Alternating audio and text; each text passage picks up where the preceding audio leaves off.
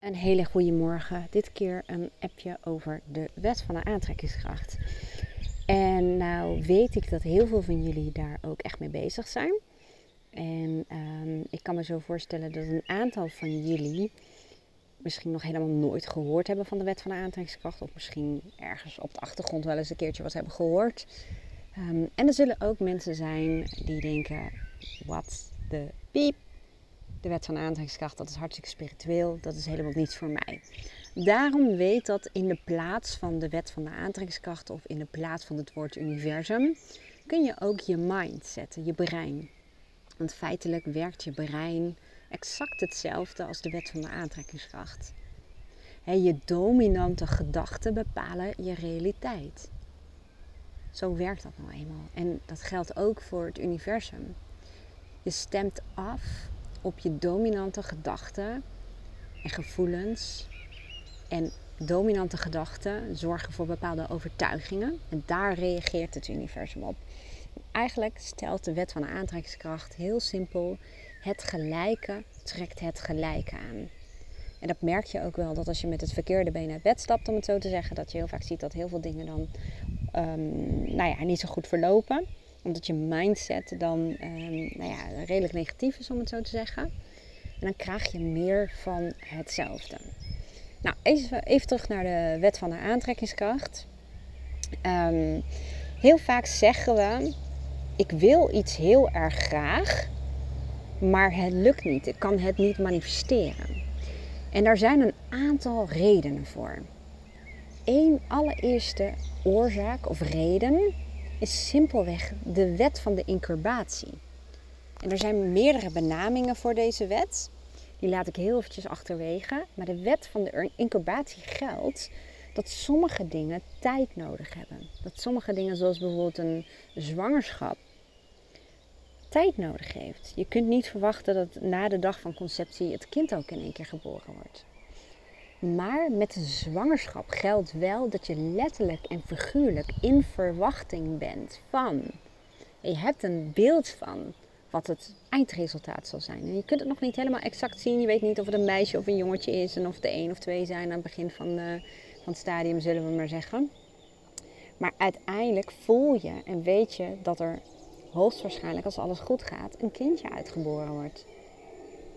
Met heel veel dingen vertrouwen we wel op processen en dat die zullen opleveren wat je wilt. En met heel veel dingen niet. En dat komt door onze eigen overtuigingen. Dat is ook meteen de tweede reden. Dus de eerste reden is de wet van de incubatie, dat sommige dingen gewoon tijd kosten. Net zo goed, de seizoenen hebben ook een bepaalde, uh, ja, is ook een bepaalde cycli. En hebben ook een bepaalde tijd voordat de, de bloemetjes gaan groeien en dat soort dingen. En dat is bij ons niet anders. De tweede reden, de reden is onze overtuiging. We kunnen zeggen dat we iets heel graag willen, maar als in ons tegengestelde overtuigingen zijn, dan ga je het niet manifesteren. Dat kan gewoon niet. Zo werkt ons brein overigens ook niet. Net als een navigatiesysteem, je kunt niet twee bestemmingen tegelijkertijd invoeren. Van ik wil naar Friesland, maar ik wil ook naar Brabant. Dat gaat gewoon niet werken. Dus zo werkt het ook met de wet van de aantrekkingskracht. Dat stel dat jij een huis wil manifesteren, maar diep in jou, of misschien helemaal niet diep in jou, denk je: wat een gehannes, wat een gedoe die verhuizing. Of um, ja, ik denk dat ik op dit moment wel te veel ga betalen voor het huis. Want waarschijnlijk krijgen we nog wel een dieptepunt. En dan zakt het allemaal in. En dan zul je zien, hebben wij misschien wel te veel betaald voor het huis. Dit soort tegengestelde overtuigingen. En overtuigingen zijn simpelweg gedachten die je vaak hebt gedacht. Die verstoren het hele manifestatieproces. In het geval van het huis kun je bij wijze van spreken hetzelfde doen als het geval dat je in verwachting bent. En ik hou het woord in verwachting ook even letterlijk. Als je in verwachting bent van een kindje, dan zul je merken dat heel veel mensen al voorbereidingen gaan treffen.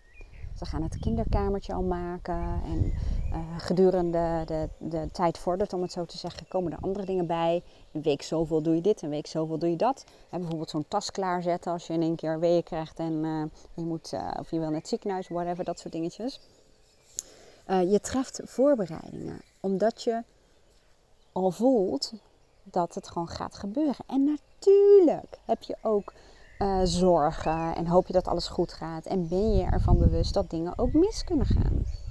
Dat is er ook. Maar je geloof en je verwachting is groter. dus dat is een beetje waar het ook om gaat, bijvoorbeeld met dat huis. Nou blijf ik heel even bij die zwangerschap.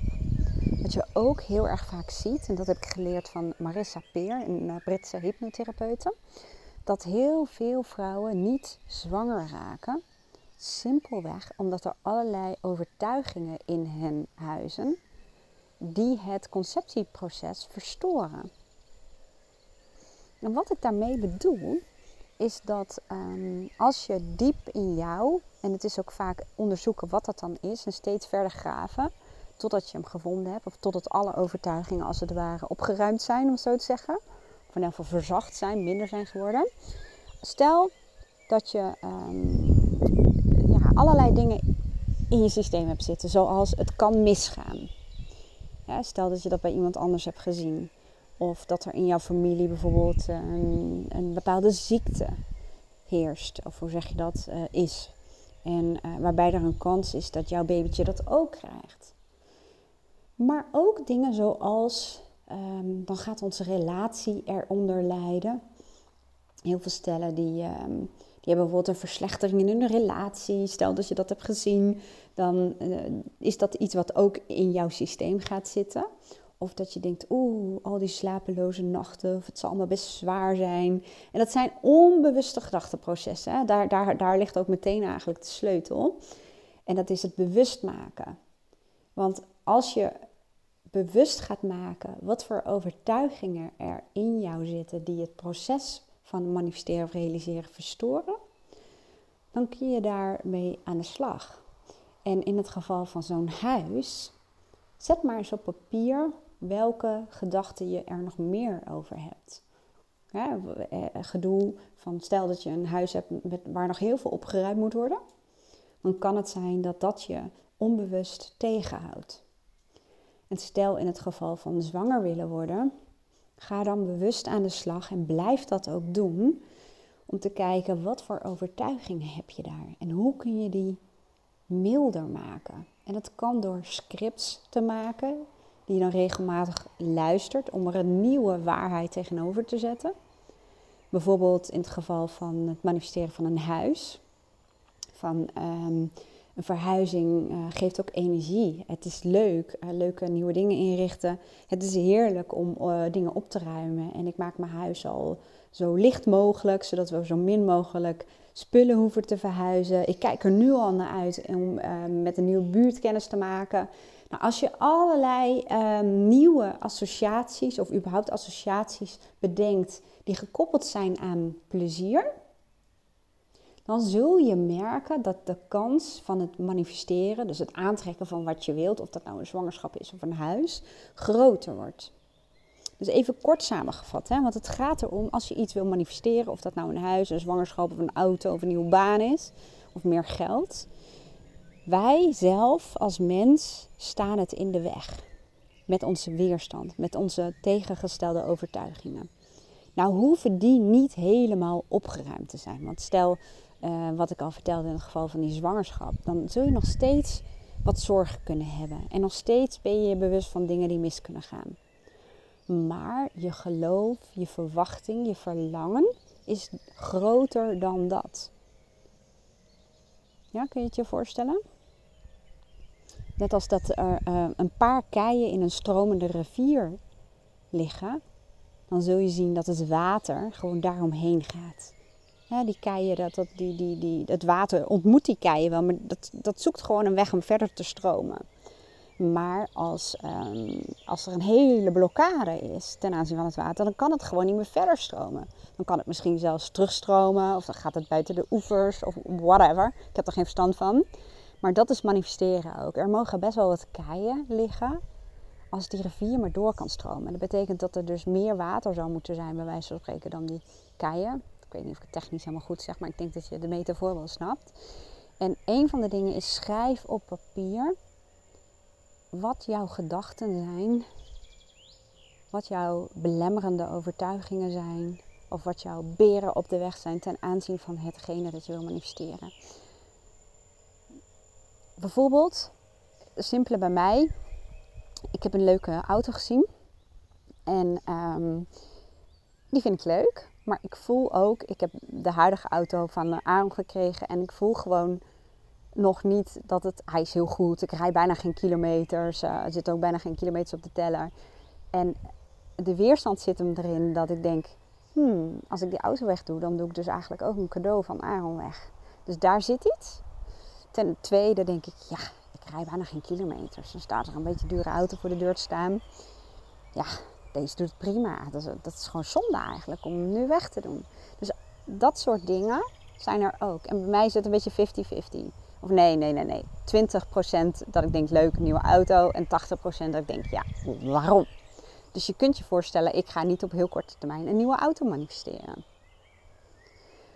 En zo is dat ook met ehm, als je meer geld wil manifesteren, dan liggen er, en het lukt niet, dan is dat vaak omdat er ergens diep in jou dingen zijn als uh, dat is voor mij niet weggelegd, dat verdien ik niet, um, het is moeilijk, dan moet ik nog harder werken, ik zou niet weten hoe. Al dat soort gedachten zijn die spreekwoordelijke keien in je stromende rivier. Even terug naar het huis. Als jij heel graag een huis wilt manifesteren, mijn eigen echte eigen ervaring is ook om al dankbaar te zijn voor de plek waar je woont en die gewoon zo leuk mogelijk te maken. En ook te genieten en vooral oog te hebben voor hetgeen je nu al waardeert aan je huidige huis. Een heerlijk plekje om te zitten, of dat er zoveel licht is, of dat je tuin zo heerlijk is. Heb oog voor de dingen die jij kunt waarderen. Dat zijn ook weer die condities die je dan verzamelt. En vervolgens kun je gaan verlangen naar een volgend huis. En maak je al klaar. Dus laat je brein en het universum weten, ik ben er klaar voor.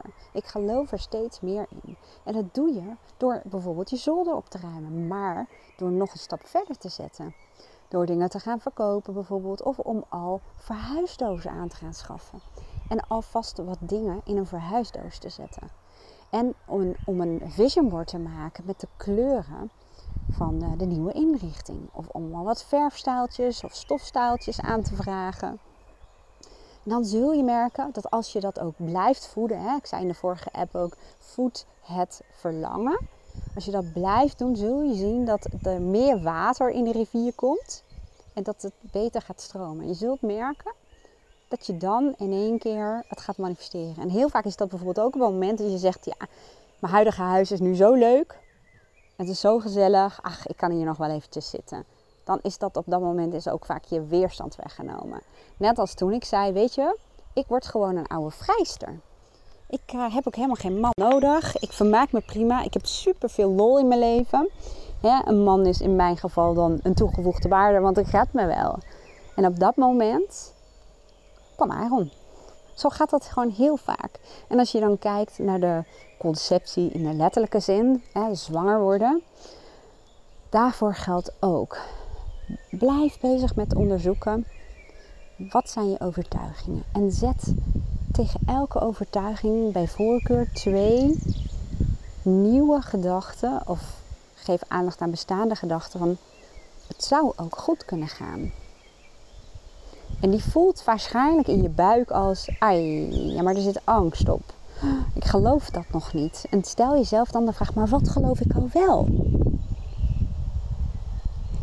En ga dan kijken naar een gedachte die je al wel gelooft.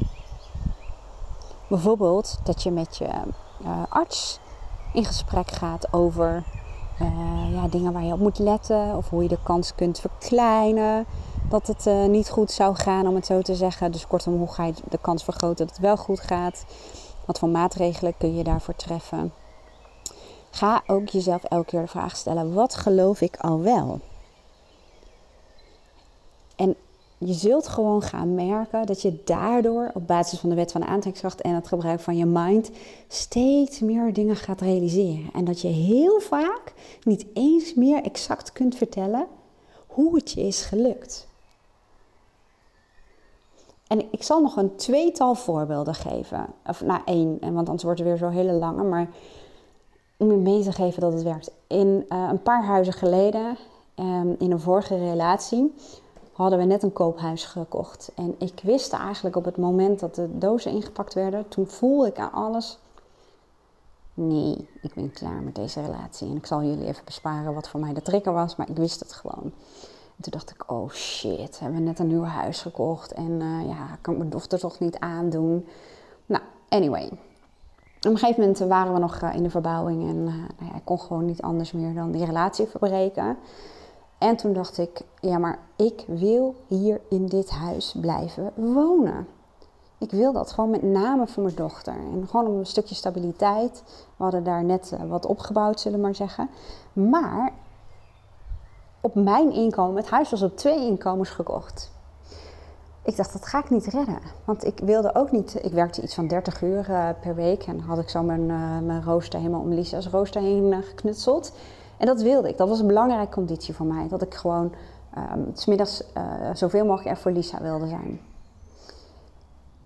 Dus dat was een belangrijke conditie.